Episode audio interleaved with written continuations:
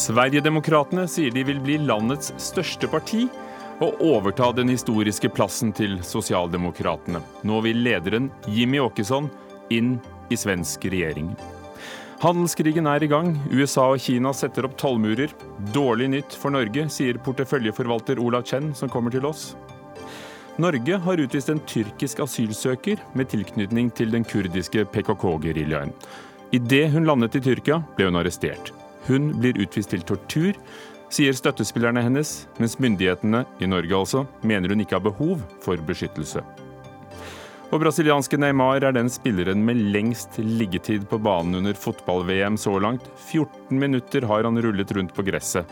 Nesten alle synes å mene at han spiller for galleriet, men dette er en del av spillet som vi må godta, sier en brasiliansk fotballekspert.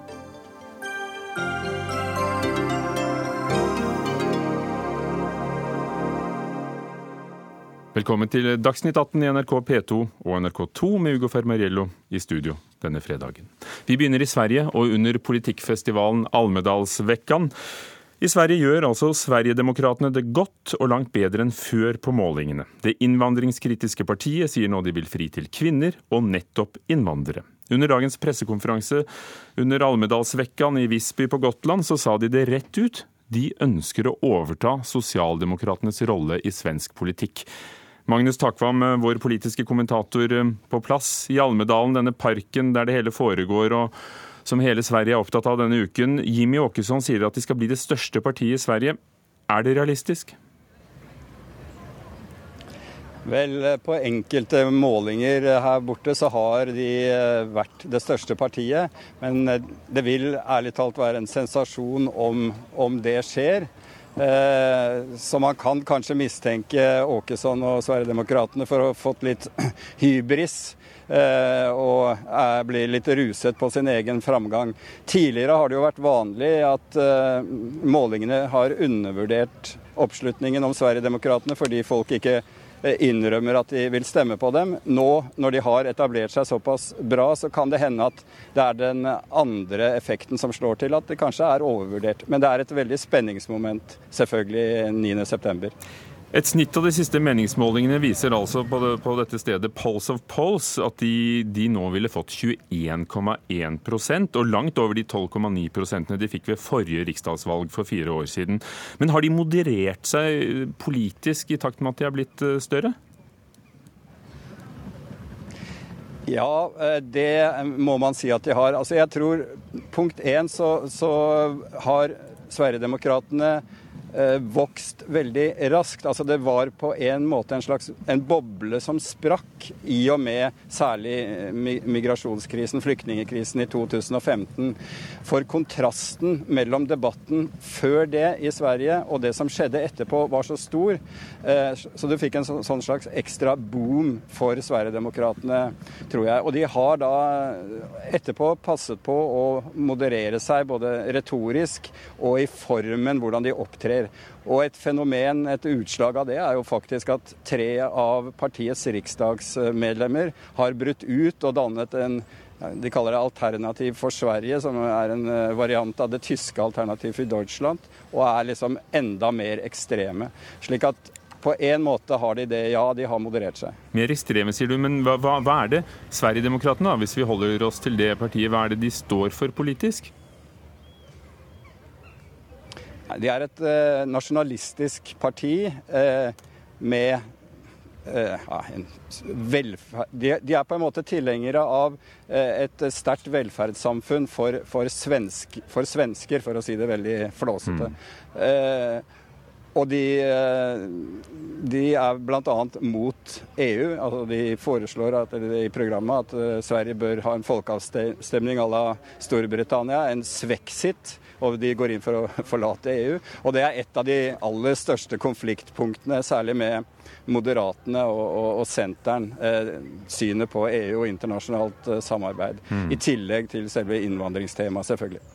Elisabeth Sandlund, debattredaktør i den svenske avisen eh, Dagen. Eh, Almedalsvekkan er jo eh, laget sånn at hver, hvert parti har én dag hver. I dag var det Kristeligdemokratene, mm. i går var det Sosialdemokratene. Og likevel så, så sier en av deres kolleger i SVT at det er Sverigedemokratene alle snakker om. Hvorfor blir det så mye oppmerksomhet rundt dem? Ja, alltså den stora politiska händelsen nu inför, inför, valet är ju Sverigedemokraternas frammarsch i opinionen. Och det betyder ju att alla de andra partierna måste förhålla sig på något vis till Sverigedemokraterna. Och det har vi också sett i de tal som har, har hållits hittills i, i Almedalen. Att man, man är tvungen att, det går inte att gå förbi och låtsas som att inte det här finns. Utan, eh, eh och det betyder ju då att Sverigedemokraterna får väldigt mycket uppmärksamhet de här andra dagarna i veckan. Eh, det är ju så här att systemet med Almedalsveckan är att det är ett rullande schema. Så att det ändras varje år vilken dag partierna har. Det är inte lottdragning eller så utan det följer samma mönster. Och att ha lördagen eh, och ännu värre som, som Miljöpartiet söndagen som sin dag. Det är ju verkligen inte något vidare, för då har de flesta åkt hem. Det, så är det redan nu, fast det bara är fredag. Eh, och för Sverigedemokraterna är det naturligtvis en enorm framgång att de har blivit så synliga och så uppmärksammade under hela veckan, alldeles oavsett vems dag det har varit. Men så har vi jo vært i den situasjonen da, at, at, de andre partiene eh, har vært skjønt enige om å holde dem ute fra regjeringskoalisjoner. De har ikke fått noen eh, komitélederverv i, i Riksdagen. Eh, men har de likevel påvirket de andre partiene i de fire årene de har hatt altså 49 eh, mandater i Riksdagen? Ja, alltså det, de har, eh, riktigt vad som är vad, det är svårt att säga. Men vad som har hänt under de här åren, alltså efter 2015 egentligen, det är ju att de, and, de flesta av de andra partierna har i sitt språkbruk eh, anpassat sig till eh, Sverigedemokraternas retorik. Man talar nu, eh, när man talar om invandring och, och, integration så använder man ett språk som var fullkomligt otänkbart tidigare från något annat parti. Och det har, tror jag, gynnat Sverigedemokraterna. För då blir de så att säga rumsrena. När, när eh, andra partier eh, låter ungefär som Sverigedemokraterna så kan det finnas ett, ett, en, menar, en tendens då att man, ja men då kan jag ju lika väl rösta på dem för de har ju stått för det här hela tiden. De andra har ändrat sig fram och tillbaka. Och det tror jag också har påverkat att de har gått så starkt framåt i opinionen. Mm. Och det blir kanske speciellt vanskligt för... Det blir kanskje spesielt vanskelig for sosialdemokratene, for det har jo vist seg at de har stjålet velgere fra sosialdemokratene? Ja, Där, det har ju gått eh, ganska många och eh, bland LO-medlemmar så är de ju enligt mätningarna nu då eh, största eller näst största parti och det, det är ju, var ju fullkomligt otänkbart om man säger för fem sex år sedan före förra valet. Då skulle ingen kunna tro att det kunde hända. Och vad det handlar om är ju väldigt mycket rädslan, att man spelar på rädslan. Man spelar på en rädsla, en skräck för, för islamisering. Man spelar på en rädsla för att den svenska välfärden ska naggas i kanten. Och det här är naturligtvis någonting som människor vill inte, vill inte ge avkall på, de förmåner man har eh, och man är orolig för. Och det, det är väldigt lätt att, att, spela på de strängarna och jag tror att det är det som har gjort att, att, att eh, framförallt att LO-väljarna eh, har gått till, till Sverigedemokraterna. Mm. Det är därför att de på något vis upplevs som att de värnar den svenska välfärden bättre än vad Socialdemokraterna gör. Och det är ju ett väldigt nederlag för Socialdemokraterna. Katrine Moe Torleifsson, du er forsker ved Senter for ekstremismeforskning ved Universitetet i Oslo og har sett veldig mye på nasjonalistiske fløypartier. og Her hørte vi altså eh, en svensk politisk observatør som sier at de, er, de har lykkes i å bli stuerene. Eh, et parti som for ganske kort tid siden eh, var utenfor den politiske varmen, og nå kan bli landets største parti ved valget. I hvert fall mye større enn det noensinne har vært. Hvordan forklarer du at det skjer? Det følger jo mønster fra ellers i Europa. Du har et fløyparti som har hatt eierskap til disse to temaene, da, motstand mot innvandring og multikulturalisme over tid. Og så har de også vokst, og spesielt i kjølvannet av flyktningkrisen. Og da har det også blitt mindre stigma knyttet til å stemme på partiet. Sånn at uh, Før var det kanskje de lavere utdannede mennene som stemte på Sverigedemokraterna, men nå appellerer de til en bredere velgergruppe både kvinner og også svensker med minoritetsbakgrunn. Så det er klart at uh, dette er en, en, dramatisk utvikling i svensk politikk. Og det gjør det også vanskelig for andre mer konvensjonelle partier å ignorere eller isolere Sverigedemokraterna. Mm. Magnus Takvam, vil det holde seg? Vil, vil størrelsen og oppmerksomheten uh, fortsatt være på Sverigedemokraterna, tror du? Det er selvfølgelig vanskelig å si på lang sikt, men det er ingen tvil om at de i valget nå kommer til å gjøre et uh, meget godt valg. Uh, Pluss-minus 20% er uansett uh, veldig bra. Så er jo det alltid slik at styrke for et parti er en relativ styrke. Altså Hvis de andre partiene er svake, så, så tjener det andre partiet på det. Så det avhenger veldig av om særlig Moderatene og Sosialdemokratene klarer skal vi si, å gjenerobre de skansene, i hvert fall noen av de skansene som de har hatt. Vi har jo sett en helt forskjellig tilnærming til fenomenet høyrepopulisme i ulike land. I Danmark er det jo, som, som man vet, slik at sosialdemokratene og Dansk Folkeparti, den varianten av høyrepopulister der, faktisk samarbeider og er på en måte helt, eh, helt, u, helt uproblematisk å, å, samarbeide dem imellom. Her er det to helt forskjellige verdener i, i våre to land, eller disse to landene. Mm.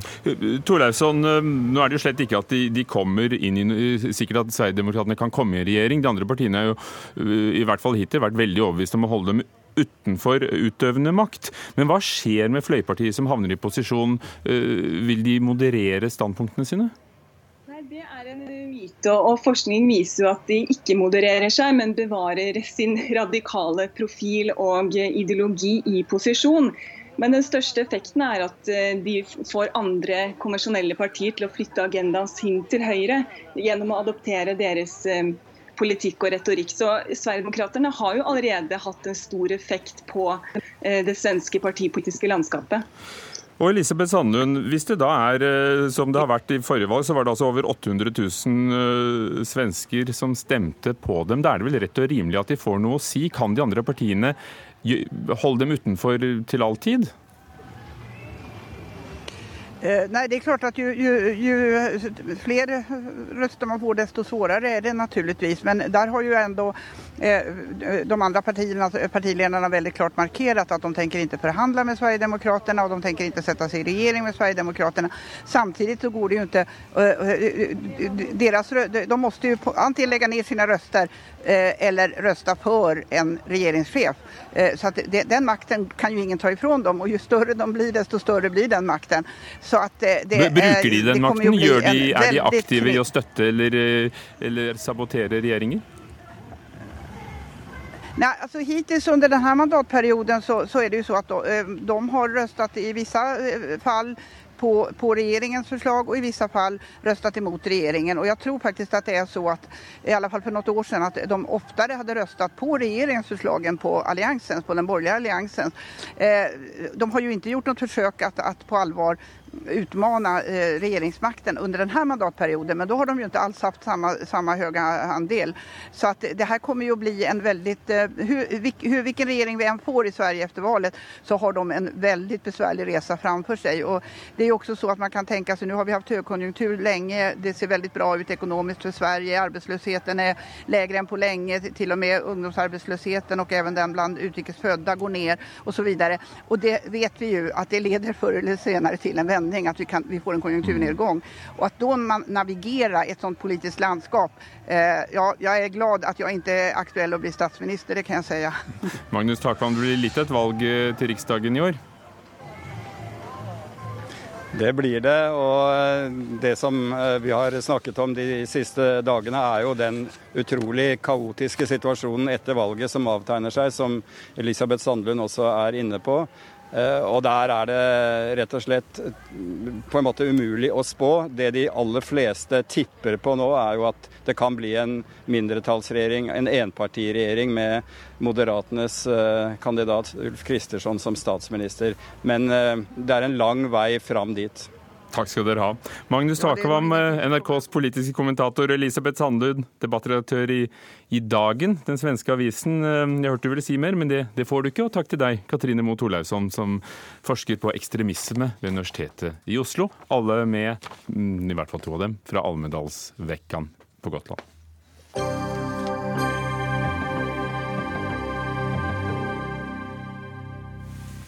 Det har vært eh, noen eh, protester de siste dagene mot at en tyrkisk kvinne ble utvist fra Norge. Hun ble utvist og umiddelbart pågrepet av tyrkiske myndigheter idet hun landet på flyplassen i Istanbul. Hun har hatt tilknytning til den kurdiske PKK-geriljaen, og støttespillerne hennes i Norge mener hun ble utvist til tortur og umenneskelig behandling i fengsel. Gulisar Terstemir ble utvist etter å ha fått avslag på asylsøknaden sin, er pågrepet nå i, i, i Tyrkia, og korrespondent Sissel Wold du har lest dokumentene, du har vært i kontakt med kvinnens eh, venner i Norge. Hva vet vi om saken? Ja, hun kom fra Russland over Storskog til Finnmark eh, sammen med tolv medlemmer av PKK. De var til sammen tolv, og ti av dem fikk bli.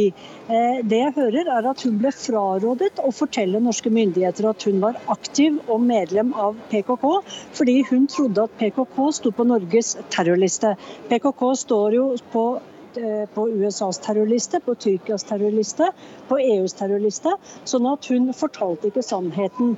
Men etter at hun fikk avslaget, så sa hun at jeg har vært aktiv medlem av PKK. Men da mente UNE at hennes troverdighet eh, var betraktelig mindre. Og UNE har også ment at eh, det ikke var noe fare for henne å reise tilbake til Tyrkia. At det ikke var noen etterlysning.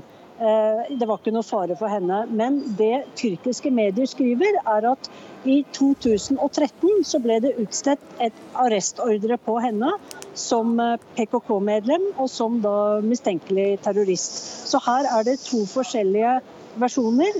Og UNE har da trodd at det ikke var noe fare å sende henne tilbake, tydeligvis, men hun ble arrestert med en gang hun kom til Atatürk-flyplassen, og der beslagla de eh, bilder som hun hadde av seg selv sammen med PKK-leder Öcalan, som jo er eh, øverst på terrorlisten til Tyrkia. Han sitter i fengsel nå på en øy utenfor Istanbul.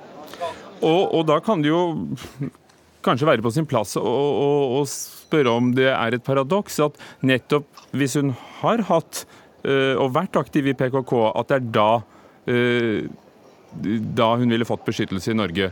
Når det er en gerilja, som av EU står på terrorlisten?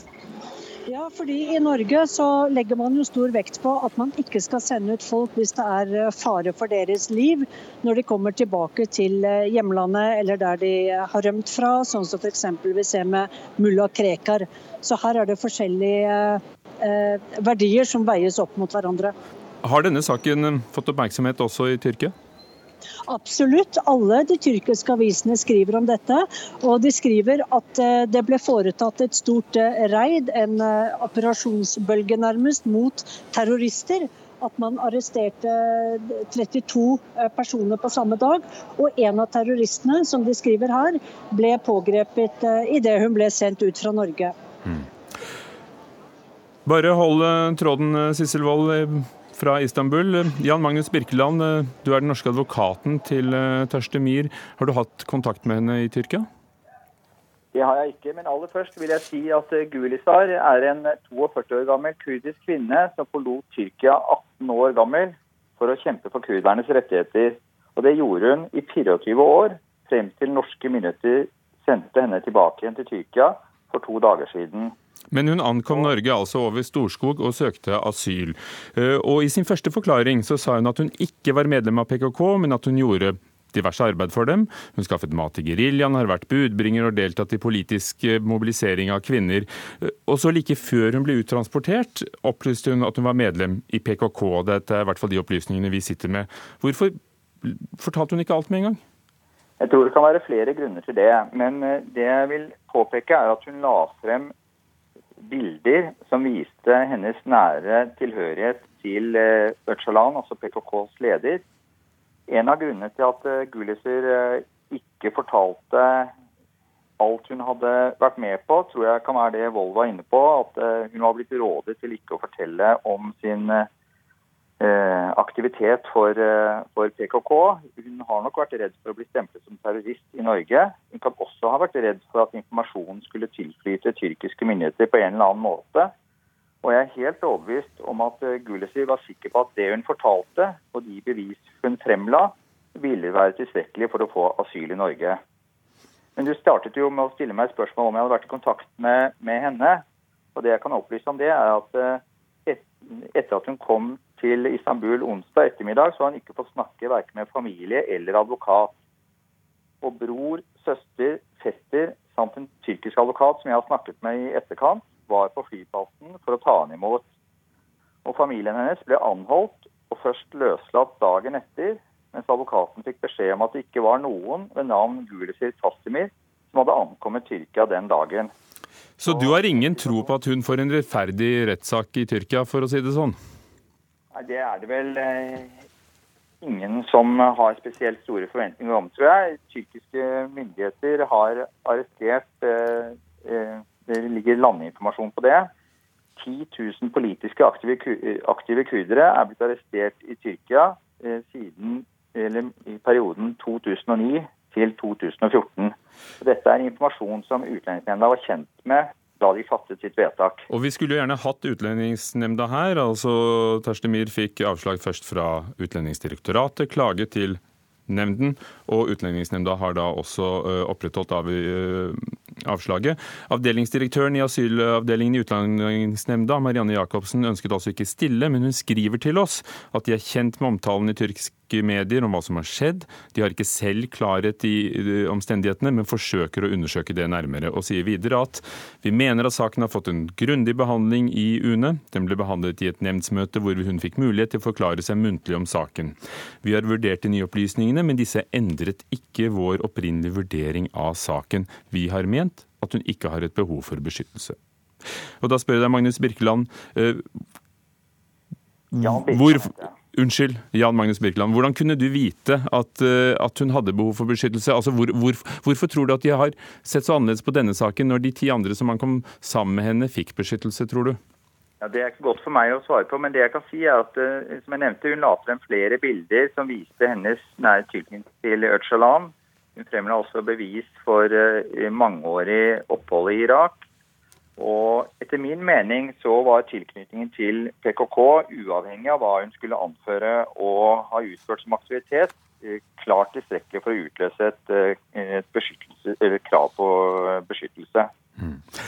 Ann Margrethe Austenå, generalsekretær i Norsk organisasjon for asylsøkere. Det har kommet langt flere tyrkiske asylsøkere i år enn det har pleid å gjøre. Det kom tall i går fra UDI. 245 hittil i år. Over 142 kom bare i løpet av juni. Hvem er de? De er i hovedsak eh, ikke kurdere, men det er tyrkere som har en eller annen form for tilknytning til det såkalte Gylen-nettverket, som jo altså Erdogan, eh, Erdogan, er ute etter etter det mislykkede kuppforsøket som, som hevdes å være iscenesatt av, av Gylen. Så det er dem. De står også på Tyrkias terrorliste, som vi hørte om så vidt i sted. Terstemir, som vi snakker om nå, eh, har da eh, vært en del av PKK. Det er i hvert fall det, det hun sier, og det finnes bilder av henne sammen med lederen. Men hva risikerer hun når hun nå blir sendt tilbake til Tyrkia? Ja, Hun risikerer jo uh, varetekt i inntil syv år. Uh, og det vi vet er at uh, det særlig er i varetekt overfor fanger som nettopp defineres som en trussel mot rikets sikkerhet, at det brukes tortur. Så i verste fall så har eh, UNE gjort noe som eh, har gått fryktelig galt. Eh, og det er veldig alvorlig, den situasjonen som, som hun har havnet i. Det er det ikke noen, noen tvil om. Vi, se, vi ser jo på de som kommer, at selv om det er et, et, fåtall av dem som er kurdere, så er det jo Gylen-tilhengere. Og, og, det er en stor usikkerhet, stor uro. De er veldig bekymret for sikkerheten og for den usikkerheten som er i Tyrkia nå etter at Erdogan vant det siste valget og har ytterligere fullmakter. og ingen intensjoner helt tydelig på å stanse de utrenskningene som foregår. Hvordan forklarer du at siden flere som jo har PKK-tilknytning og, og, kjempet for kurdisk uh, uavhengighet, har fått asyl. At uh, Tashdemir ikke har fått det, da betyr det jo kanskje at uh, at det er noe ved forklaringen hennes som gjør at de ikke festet lit til det? Fordi vanligvis så gjør de det jo. Ja, og slike type problemstillinger ser vi ganske ofte. At eh, personer er utrygge og ikke kommer med all informasjon med en gang, men kommer fram med den etter hvert. Eh, men da vurderes det slik at deres troverdighet er svekket ved det at ikke alt kom med en gang. Men helt klare billedbevis burde fått eh, UNE til å vurdere ting på en annen måte. Så vidt jeg har skjønt det, så mente de at hun, hennes kompetanse om PKK var for liten. Og da er du litt sånn over i, i sånne vurderinger som UNE noen ganger gjør i konvertittsaker, som vi sier. At de er ute etter veldig sånn spesifikke, stiller spesifikke spørsmål. Altså mennesker som mener seg altså, forfulgt fordi de har konvertert, fordi de har konvertert fra islam til kristendom. Og fordi de ikke kan svare på helt spesifikke spørsmål som UNE sier, så vurderer UNE dem som at dette kan ikke stemme. Sånn at, og der har de vel en viss erfaring i Altså, I å vurdere troverdigheten? De har en viss erfaring med å vurdere troverdighet, men det å være menneske er så mangt, og mennesker reagerer ulikt, og utrygghet kan sitte som gjør at folk eh, ikke kommer med den informasjonen som det hadde vært best for dem å komme med en gang, at det kan ta tid før de kommer med den. Så i den situasjonen som mennesker som har flyktet fra Tyrkia, og jeg tror også UNE er kjent med at kurdere forlater ikke sine områder i utgangspunktet frivillig. De blir gjerne og kjemper for sin sak, så når de først flykter, så har de en grunn til det. Men det er jo også en, en voldelig organisasjon, en terrororganisasjon, eh, som står på både EU og USAs terrorliste. Er det rimelig at de skal få beskyttelse? Ja, det er det. Hvis, de, hvis, det å returnere dem betyr at man returnerer dem til eh, tortur, umenneskelig behandling, som man ikke kan være sikker på at ikke vil skje med, med henne i denne situasjonen. Sissel Wold, hvordan ser tyrkiske myndigheter på at eh, PKK-medlemmer da eh, ofte får beskyttelse? Tarstemir fikk det ikke. Ja, dette er noe de er veldig opprørt over. Og president Erdogan har jo flere ganger langet ut, særlig mot Tyskland og Holland, fordi at de gir asyl til mange medlemmer av PKK. Dermed mener Tyrkia at, at at Nato-allierte beskytter terrorister og ikke sender dem tilbake til eh, rettssaker her i Tyrkia. Og Det samme gjelder også med gulenister som får eh, opphold i Norge, noe som også irriterer myndighetene her. For de mener at dette er forrædere som bør komme tilbake, sendes tilbake og møte konsekvensene. Eh, så de var nok fornøyd med at eh, Gulisar Tashtemir ble sendt hit, eh, fordi at Norge da har helt andre vurderinger av hennes situasjon. Også her er det jo tre organisasjoner som er i terrorgruppen, for å si det sånn. Det er PKK, gulenistene og IS. Og nettopp nå så har myndighetene trappet opp kampen mot terror, som de kaller det. Det har vært unntakstilstand her i to år, men nå skal den oppheves på mandag. Da, for da får Erdogan nye fullmakter når han innsettes som president igjen. Men da trår et nytt dekret i kraft som opprettholder denne kampen mot terrorister, som det heter her. Til slutt, Jan eh, Birkeland, advokaten til Gulisir Tørstemir. Hva skjer nå i denne saken? Er det noe du vil foreta deg? Det som kommer til å skje i fortsettelsen, eh, det er at eh, det verserer nå en sak for Den europeiske menneskerettsdomstolen i Strasbourg, hvor den norske stat er klaget inn for brudd for dette returforbudet. Vi har fremmet en omgjøringsbegjæring til UNE med krav om at UNE omgjør vedtaket og gjør det som er mulig for å bistå Gulisar tilbake igjen til Norge. Og Det vil også bli levert inn en stevning til Oslo tingrett. Men vi ønsker jo og forventer jo i tillegg at norsk UD forsøker å påvirke Tyrkia slik at eh, Gulisar blir løslatt. Takk skal du ha. Som er du, Jan Virkeland, som er advokaten hennes. Takk til Anne Margrethe Austenå fra NOAS, og til vår egen korrespondent i Istanbul, Sissel Wold.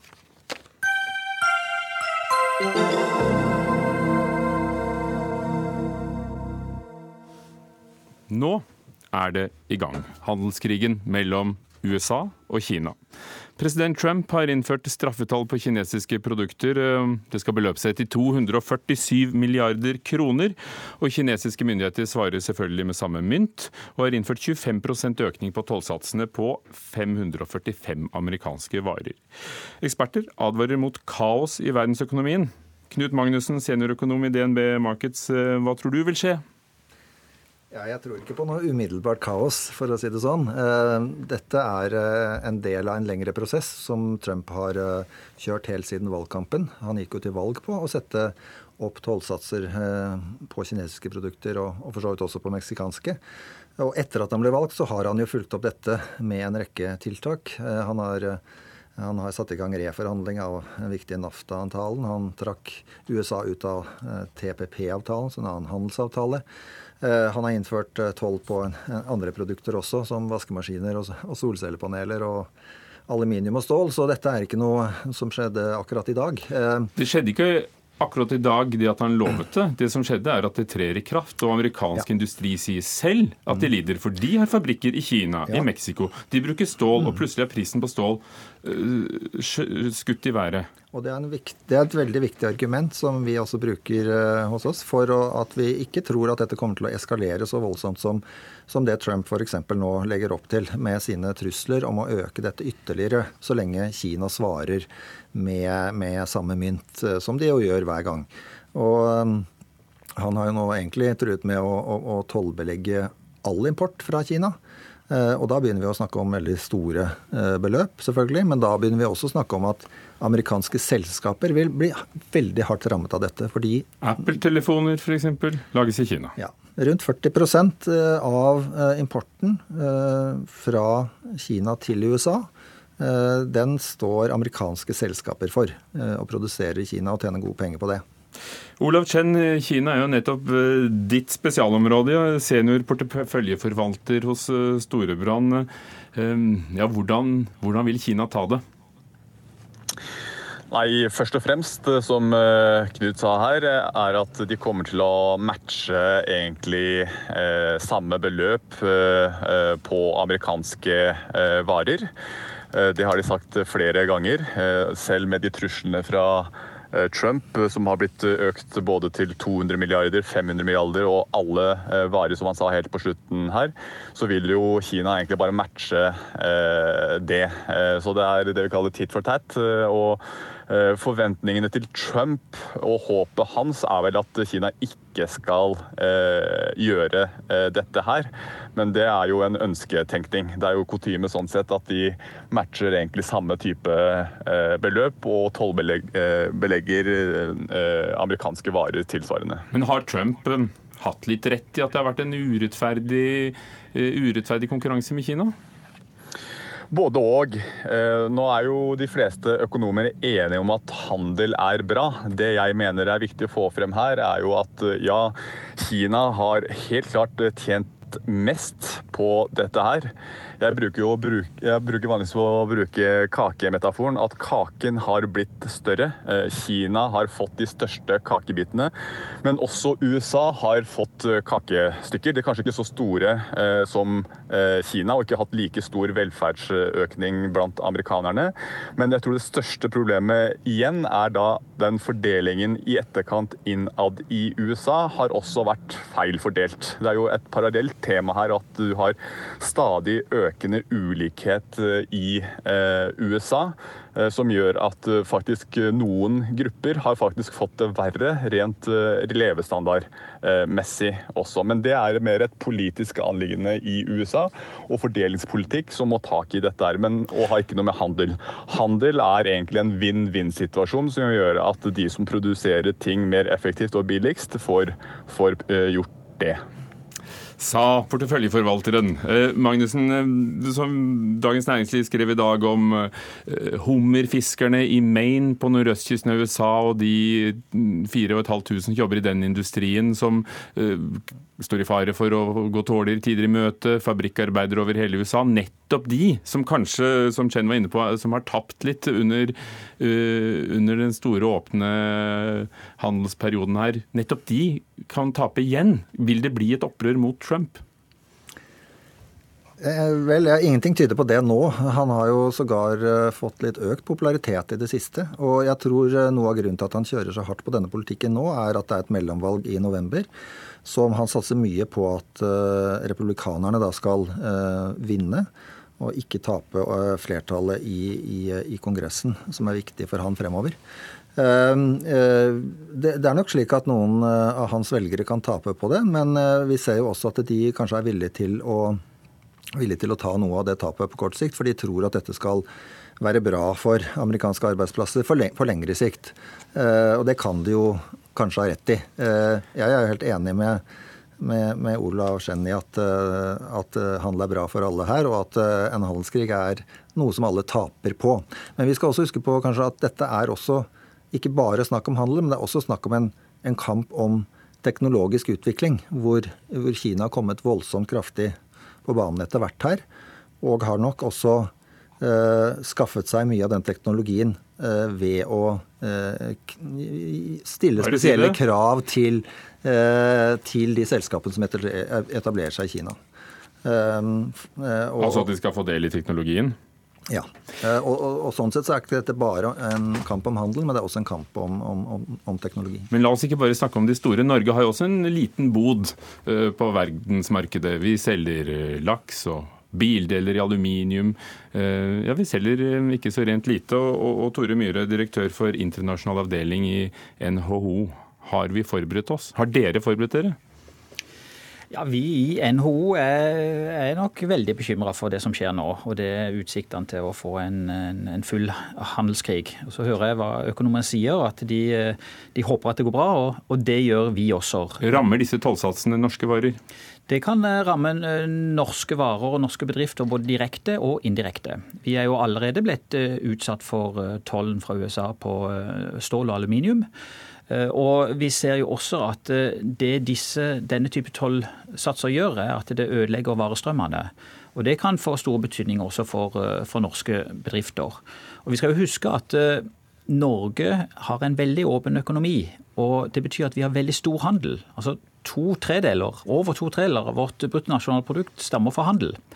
Og Det betyr at vi blir ganske sårbare for, for denne type endringer i verdenshandelen. Ja, Olav Kjenn, eh, hvordan ser du på det? Hvordan ser du på vår stilling?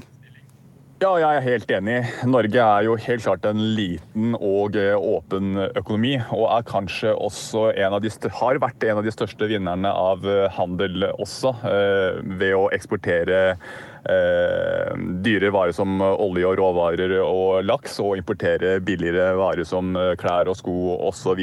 Du sier det jo rett ut til, til Dagens Næringsliv i dag. Dårlig nytt for Norge, sier du. Hva frykter du?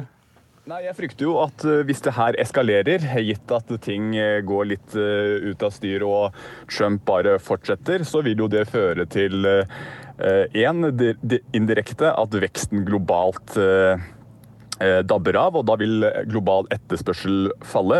Faller global etterspørsel, så vil også etterspørsel til olje falle. Eh, og da vil oljeprisen falle. Så, som alle vet, så er jo norsk økonomi ganske avhengig av det. Eh, indirekte er jo de andre forholdene som jeg nevnte, at vi er såpass liten og åpen økonomi og helt avhengig av handel med utlandet. Så når tollsatsene øker, så fører det til også dyrere varer, vanskeligere for norske bedrifter også å eksportere. Og du får høyere eh, innkjøpspriser og vanskeligere å, å, eksportere varer. Så Norge som en liten, åpen økonomi er veldig sårbar for at ting eskalerer videre, og de effektene det vil gi for eh, andre land som er avhengig av handel. Magnussen, ser du like svart på det? Ja, jeg eh, deler de oppfatningene der. Nå skal vi huske på at det som, det som kom på bordet i dag, eh, disse 34 milliarder dollar, det er, det er, en ganske forsvinnende liten del av amerikansk økonomi. Så det er jo ikke noe bekymret for i og for seg. Men det er eh, faren for at dette skal eskalere, både når det gjelder handel mellom Kina og USA, men også mellom eh, USA og andre land. F.eks. så har jo man hatt trusler nå om import på biler fra Eh, Europa inn mot USA. Det vil jo typisk også ramme norske bildeleprodusenter, for å ta et eksempel på det. Er det noe myndighetene burde gjøre her, eh, sett fra NHOs side? Burde de ut og forhandler forhandle med Trump? EU har jo prøvd seg. Eh, ja, Det er nok ikke så mye vi kan gjøre akkurat i forhold til Trump og i forhold til det norske forholdet der. Men vi ser jo at vi sto i fare for å bli ramma av de beskyttelsestiltakene som EU satte i gang, eh, eller kommer til å sette i gang, for å beskytte seg mot varestrøm og retter avgiftene på stål. Eh, og der har vi jo sikra at Norge ikke skal bli omfatta av de beskyttelsestiltakene. Og det var nok takket være sterkt politisk arbeid både fra norske myndigheter og også fra, fra, fra oss i NHO og Norsk Industri, som, som jobber veldig for, å, for at EØS-avtalen skulle trumfe den type tiltak. EØS, ja. ja. Det, der skjer det jo nå også noe. Vi skal over til et nytt tema. Vi, takk til deg, Olav Chen i, i Storebrand, og dere andre blir sittende, fordi det skjer en annen ting i verdensøkonomien. Det er flere byger i sikte. Storbritannia kan jo snart komme til å seile sin egen sjø, mer eller mindre. Eh, om under ett år skal de være helt ute av EU. Eh, mange har kritisert eh, Theresa May, statsministeren, for å, å ikke få fortgang nok på forhandlingene med EU. Men kanskje skjer det noe i dag. Akkurat nå sitter de på landstedet Checkers uh, utenfor London i møte med sine ministre. May som prøver å få orden på kabinettet sitt. Vil de bestemme seg for å gjøre det mykt og fleksibelt? Soft brexit, som de kaller det. Eller hardt og brutalt uten å avtale? Alvoret ser ut til å gå opp for britisk næringsliv. Airbus er ute i dag og sier at de kan komme til å stenge fabrikkene sine som lager flyvinger, eh, og det har andre næringslivsledere også advart om. Andreas Moxnes, professor i økonomi ved Universitetet i Oslo. Hva er det britisk næringsliv er engstelig for? Du, det er jo mye av det samme som vi, vi, hører i USA. De er bekymret for at uh, produksjon i Storbritannia vil bli veldig kostbart fordi de ikke får markedstilgang til, eh, til, andre land. Hvis, spesielt hvis det blir en, en, en hard eh, brexit, hvor tollsatsene både for å eksportere til EU og også for så vidt andre land kan, kan gå opp betydelig. Og så er det også det motsatte. At det er jo mange av disse bedriftene som importerer innsatsvarer fra hele verden. Uh, og at da kostnadene på det også kanskje kan, kan, gå opp. Så da er det på en måte spørsmålet skal man fortsette å produsere i Storbritannia, eller kanskje man skal flytte fabrikken sin til uh, Tyskland eller Frankrike istedenfor. Det har jo vært uh, stemmer som har sagt dette før, men de, de, har jo virkelig spisset seg til de siste dagene. Har de vært for passive fra næringslivets side? Ja, altså Nå begynner panikken å, å bre seg. da, så Det er jo den 30. mars 2019, så ca. ni måneder til, hvor eh, Storbritannia er ute av EU. Eh, så, så, folk føler vel nå at uh, nå er det på tide med handling. Uh, for disse forhandlingene har jo stått, gått helt i sneglefart, holdt jeg på å si. Så, så, det er nok mange som nå er virkelig bekymret for, for, hvordan dette skal gå. Og det er nok også lite trolig faktisk at man vil få en ordentlig avtale før uh, den 30. mars. Uh, så det blir jo sannsynligvis også en lang overgangsperiode hvor det er veldig uklart egentlig hva som kommer til å skje. Tore Myhre, hva skjer med oss da? For da forlater de jo ikke bare EU, men også EØS, hvor vi er med. Og Vi eh, er jo ikke med i disse forhandlingene mellom EU og Storbritannia, så vi må sitte på utsida og, og, se på og vente. Og Det er frustrerende, og særlig når vi ser at de ikke har gjort noe framganger i forhandlingene. Eh, nå får vi se hva som kommer ut av møtet i dag, men eh, det virker jo som at det er veldig stor uenighet internt i den britiske regjeringa. Så de, de, vet jo ikke sjøl hva, hva slags avtale de vil ha. Og Det som vi er redd for nå, er at de faktisk ikke blir enige om eh, avtalen både for å tre ut av EU, og også avtalen om en overgangsordning innen fristen. Og Det betyr at vi kan risikere å bli stående uten noe som helst avtale eh, 30.3 neste år. Og det er ikke lenge til. Og da er det kanskje ikke Norge britisk regjering prioriterer å få på plass en avtale med? Eh, nei, altså De er jo interessert i å få på plass en avtale med oss også, men vi står nok ikke øverst på lista. Og de kan jo heller formelt sett ikke begynne å forhandle med Norge før de er ferdig med EU. Hvor viktig er jeg holdt på å si England, men altså De forente kongedømmene, Storbritannia, for økonomien vår? Storbritannia er jo en av våre største handelspartnere. Eh, de er, altså de er, kjempeviktige. Vi har store investeringer der. Investeringer, norske, Norskkontrollerte bedrifter eh, har en omsetning på 60 milliarder. Det er mye penger. Og vi har eh, den tredje største handelspartneren vår, hvis vi holder olje og gass utenfor, og den største med olje og gass. Så Storbritannia er et viktig land for Norge. Og i dag fikk vi enda en investering. Rolls-Royce Marines ble kjøpt av Kongsberg Gruppen, som jo staten har en stor del av. Så uh, Magnussen, uh, bør de skjelve i buksene?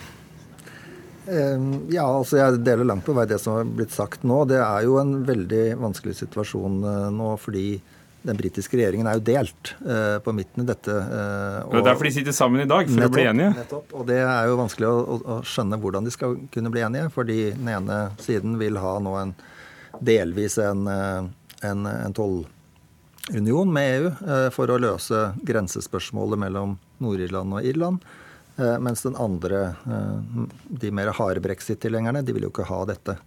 Og det ser ut som en ut, utenifra i hvert fall til å være en nesten uløselig eh, konflikt. Så det skal bli interessant å se om de kommer til noen som helst enighet. Men hva, hva vil du da si til, til, dem som har sine investeringer i engelske bedrifter fra Norge? Nei, Det er vel ikke så mye annet enn å si enn at man må følge denne prosessen eh, ganske nøye. Eh, og i den grad det er mulig, ta sine forholdsregler. Fordi eh, tiden går jo fort nå mot, mot denne brexiten. Nå tror jeg kanskje mest på at de får i hvert fall på plass en overgangsavtale, slik at det blir litt lengre, et litt lengre løp her før den endelige brexiten trer i kraft. Det vil være noe som kan hjelpe de som har investeringer der borte. Andreas Moxnes, hvordan kan disse forhandlingene se ut mellom Norge og Storbritannia? Du, eh, Hvis det blir en bilateral avtale med, med, Norge og Storbritannia, det er jo slett ikke sikkert. Da, for Hvis en, eh, altså hvis Storbritannia fortsatt blir i en tollunion med EU, så, så, vil det ikke bli noen egen avtale. Uh, sannsynligvis. Så, men, men, i den grad vi får en bilateral avtale, så er vel det vi ofte ser i disse dager, at det er måte, kjøttvekta som rår. Så er en, Da er det en forhandling mellom et land med over 60 millioner innbyggere og mot Norge da på 5 millioner. Og det er klart, Vi har ikke de beste forhandlingskortene i den, eh, den type eh, forhandlinger, tror jeg. Eh, selv om det er, helt klart at Norge er en veldig viktig handelspartner til, til Storbritannia, spesielt på olje og gass f.eks. Men Tore Myhre, de er viktigere for oss enn vi er for dem, kanskje? Ja, og det, er, det, vil være viktig for oss å få en avtale. Og en avtale vil være todelt. Det ene er at vi må knytte oss til den avtalen som EU og Storbritannia får. Og det vil gjelde gjennom EØS-avtalen. Så jo mer omfattende avtale de har, jo, jo bedre vil det være. Eh, men de delene som ikke omfattes, der må vi ha en bilateral avtale. Og det vil jo gå på også elementer som går utover toll. Eh, for EØS-avtalen er jo nå veldig omfattende og gir forutsigbarhet på alt som har med tjenester, eh, kapitalbevegelser og investeringer. Menneskene som bor der? Ikke Alle minst. nordmennene som bor der, og, og britene som bor her? Ja, og bare det så vi ser at britene vil jo ikke ha fri bevegelse av personer. Og det er jo et av de store spørsmålene som EU da er veldig mot. Og det vil være viktig også for Norge, fordi det er mye nordmenn som jobber i eh, Storbritannia. Og som vi må la henge i luften. Takk skal dere ha. Tore Myhre i NHO, Andreas Moxnes, eh, økonomiprofessor ved Universitetet i Oslo, og Knut A. Magnussen i DNB Markets.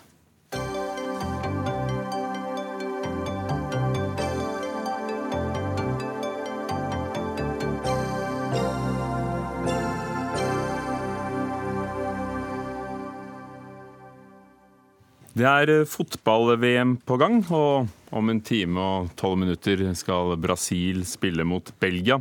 Og nettopp brasilianske Neymar har en rekord. Han er den spilleren som har ligget lengst på banen under VM. 14 minutter har de målt det til. Og det ser ut som om hele verden mener at han driver med filming og, og er en ganske dårlig, i hvert fall overdreven skuespiller, der han ruller rundt på banen som det vi skal høre og se her fra kampen mot Mexico.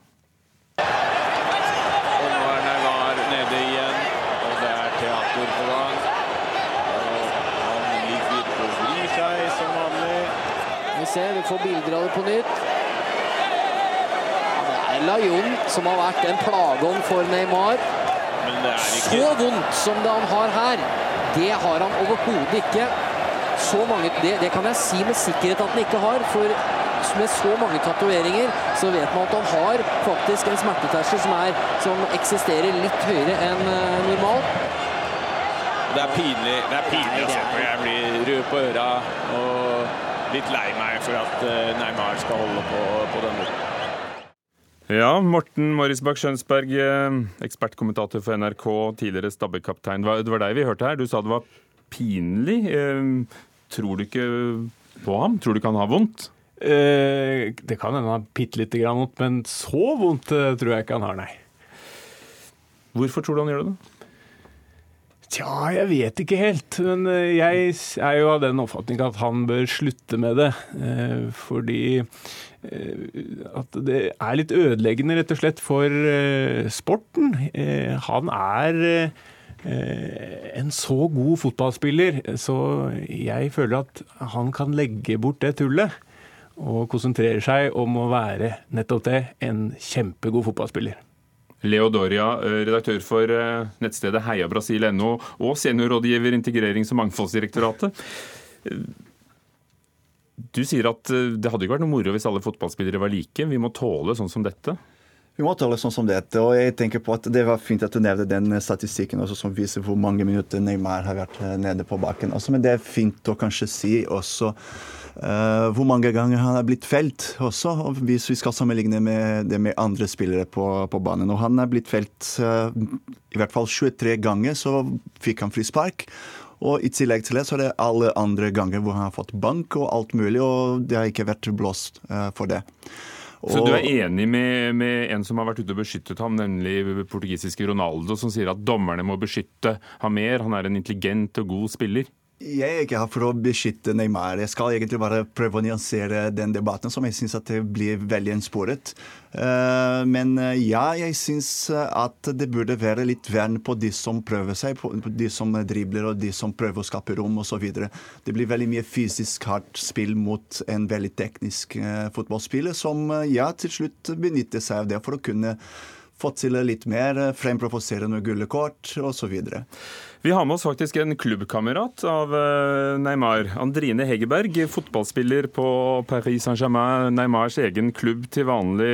Hei. Hei, hei. Synes du at det er godt fotballspill han driver med, eller er det, er det nettopp bare skuespill? Uff. Eh, nei, er, hele situasjonen syns jeg er veldig synd. Eh, og personlig så merker jeg jo sjøl at jeg mister veldig Ikke bare interessen for liksom, han som spiller, men jeg merker at det er ikke like kult å se på, på Brasil heller. Så jeg, jeg, mener at sånn type rulling og og tjo og hei etter en liten kakk, det, det må ødelegge ganske mye av fotballen. Og det er det jeg syns er mest synd oppi her, da. Men så skjønner jeg òg han som teknisk spiller han får mye sånn småting som er ganske stygt, som man kanskje ikke ser med første. Så dommere syns jeg kanskje kan steppe opp litt på dem og faktisk fokusere litt på å beskytte spillere. Det er jeg veldig enig i. Men 14 eh, minutter, det er lenge, altså. Men du sier at du, du, du, du vrir deg når, når du, ser det, men han har jo vært veldig skadet, da, som du er inne på selv. Og ja, når du er på banen, er det, ikke, er det aldri fristende å rulle, ta en ekstra omdreining på plenen? Nei, det, helt ærlig så er det ikke det. Vi har snakka mye om det der i eh, laget, vi òg. At uh, Nå skal jeg ikke sammenligne så mye dame- og herrefotball, men uh, at vi føler at vi hvis vi får en kakk, så er det nesten litt mer flaut å bli liggende enn å ikke komme seg fort opp igjen. For det er aldri så vondt at du tar Og hvis du har vondt, så, så har du såpass vondt at du klarer ikke å rulle så mange ganger. Skjønsberg, tror du det er individuelle forskjeller? Vi snakker om kulturforskjeller. Er det, er det liksom fysiske harelag, og så er det de taktiske elegante, og, og når de andre blir for tøffe, ja, ja da det ned? Det kan være begge deler. Eh, det var vel en eh, undersøkelse i Aftenposten her, tror jeg, som henviste til at eh, smerteterskel var Det lå på samme nivå som vennene du hadde. Men ofte er det også individuelle forskjeller. Og Neymar ser ut til å ha en lav smerteterskel, eventuelt et godt hjerte for skuespill. Mm. Leodoria Neymar da Silva Santos jr. Hvem er han, og hvorfor snakker vi alle om ham, eller i hvert fall alle fotballinteresserte?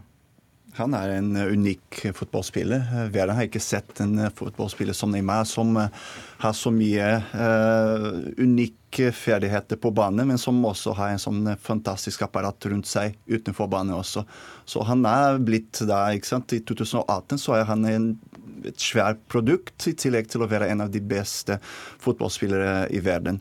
Og gjennom hans oppvekst så har han alltid stått frem som en fantastisk spiller, og har vært også beskyttet av klubben sin og av alle rundt han. Han har lenge vært da, den, den kronjuvelen av brasiliansk fotball. Og det er fakta også at uh, dommerne fikk beskjed om å beskytte han, om å gå hardt på de som tok han hardt også. Uh, fordi han er da det fotballhåpet som Brasil kanskje har ventet lenge. Så gjennom årene så har Neymar utviklet seg også til å være en veldig kanskje egoist uh, fotballspiller, men en som er vant til å få sin vilje. Og det kan ha noe å si også på en måte det sånn, når det gjelder den måten han oppfører seg på banen hvor han, eh, blir frustrert når han ikke får eh, frispark, eller når han ikke får til eh, en fint eller dribler. Da begynner han å rulle. Mm -hmm.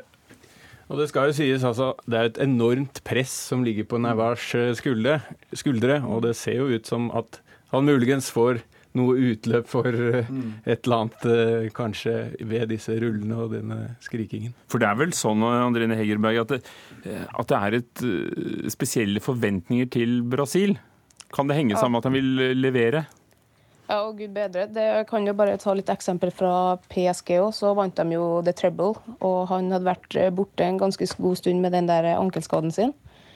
Og da når de fikk overrekt trofeene, så handla det ikke om at de har vunnet treble, det handla om eh, Neymar. Og, så da det medieansvarlig i, i klubben prata litt med han, og han sa at uh, det var nesten sånn håp at Brasil ikke skulle vinne, for at uh, trykket på guttene, uh, de brasilianske guttene i, i, PSG er såpass stort allerede at han skjønner ikke hvordan han skal klare å styre det når de kommer tilbake. Forventer publikum en egen stil av dem? Han har jo egentlig skapt sin egen stil allerede òg. Uh, fansen borti, borti Paris uh, elsker han uh, på samme måte som de elsker Cavani òg. Så ja, han har jo sin egen stil. Han er jo en fantastisk fotballspiller. fikk lov til å se en trening mens han var der òg, før han ble skada. Altså, han har full kontroll, den gutten her. Altså. Så det, det, er synd at det her skal liksom ta fokus, da, for at noe av det han gjør, er helt vilt. Hva sier han selv, da? Ja, nå har jeg ikke snakka med ham og fått spurt den, men det har faktisk vært veldig interessant å få hørt. Dorja Doria Skjønsberg, har dere fått med dere noen uttalelser fra ham? Fordi det er det jeg tenker på, at uh, fokus, at fokus uh, blir borte fra det han egentlig gjør på banen. Fordi han uh, har utviklet seg. Han har vært langtidsskadet nå, så har han kommet tilbake, og hans prestasjoner blir bedre og bedre.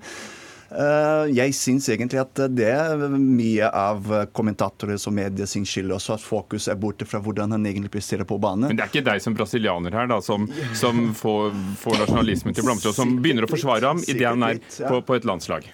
Sikkert litt, men det er det også at jeg tenker på at det blir veldig ensporet. At man bare fokuserer på det her, mens han gjør fantastiske ting på, på fotballbanen også, som man velger å ikke snakke så veldig mye om. Men det har dere jo fått sagt eh, Andrine Hegerberg, er det sånn at, at i kvinnefotballen er det litt mindre av, av filming og, og, skuespill? Altså Den type som de antall rullinger han har hatt, sånn finner, finner man faktisk ikke. Uh, altså Det jeg blir litt redd for òg, er jo om det her Det er derfor jeg tenkte at VAR kan være en fin ting. For at du så I dag også ser du at Mbappe òg er oppe på en og får veldig vondt på et lite slag der, han òg. Så at man er nødt til å verne litt denne sporten og underholdningsverdien, for at folk vil ikke sitte og se på 14 minutter med rulling til slutt. Altså, det tror jeg ikke. Mm. Hva skal vi se etter i kveld, eh, Skjønsberg? Brasil mot, uh, mot Belgia? Ja, det er jo en fantastisk eh, kamp, og min sidemann her han er nervøs allerede. Så Brasil møter Belgia, som ikke er noe dårlig i lag. De har en del stjernespillere, de også.